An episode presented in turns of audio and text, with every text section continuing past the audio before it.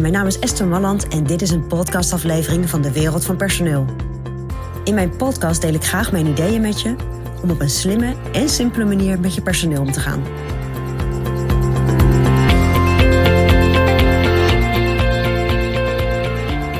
Ja, op het moment dat jij een nieuwe medewerker krijgt, dan is het fijn als je die medewerker goed in gaat werken. Alleen in de praktijk blijkt dat soms best nog wel eens lastig te zijn.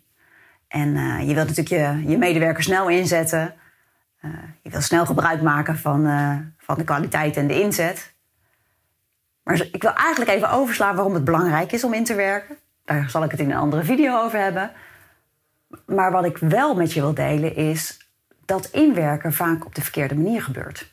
En dat zie ik bij heel veel klanten terug, maar ook op het moment dat ik praat met medewerkers die ingewerkt worden. Want wat doen we vaak op het moment dat we inwerken? Dan gaan we uitleggen hoe je iets moet doen. Heel simpel voorbeeld. Je hebt een medewerker en die medewerker die uh, moet binnen zijn taken is het belangrijk dat hij een Excel-bestand vult. En in dat Excel-bestand moeten tien zaken door die medewerker worden ingevuld. En die tien zaken die komen uit allerlei verschillende bronnen. Nou, wat er dan vaak gebeurt, is dat die medewerker wordt uitgelegd: joh, uh, hier en hier en hier moet je zaken invullen. Dat moet je hier en hier vandaan halen. En als je dat Excel-bestand af hebt, dan moet je hem daar naartoe mailen of dan moet je zus of zo doen. Wat ontbreekt daarin, en dat gebeurt veel vaker dan jij misschien je ook realiseert, is dat uitgelegd wordt waarom is het belangrijk. Tijdens het inwerken is het uitleggen van waarom belangrijk. Even terug naar het voorbeeld. Als ik als nieuwe medewerker leer hoe ik tien verschillende dingen in een Excel-bestand moet invullen en uit welke bron ik dat moet halen, dan kan ik dat gewoon doen.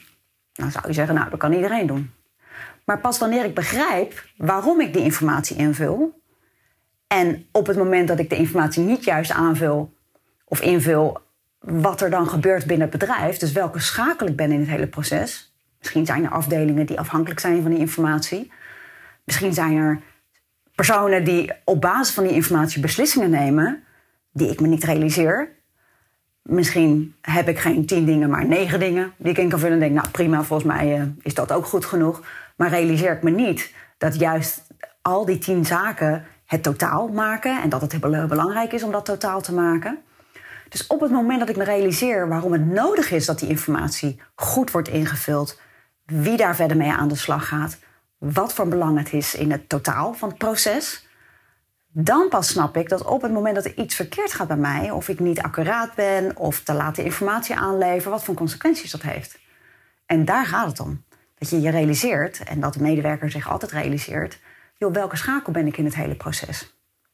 En nog interessanter, misschien ben ik wel heel slim, en zeg ik, joh, dat is leuk dat we dat uit die verschillende bronnen halen. Maar ik moet het nu ergens uit exporteren. En dan uh, kunnen we dat niet slimmer doen. Want misschien als we zus en zo doen, dan hebben we ook die informatie.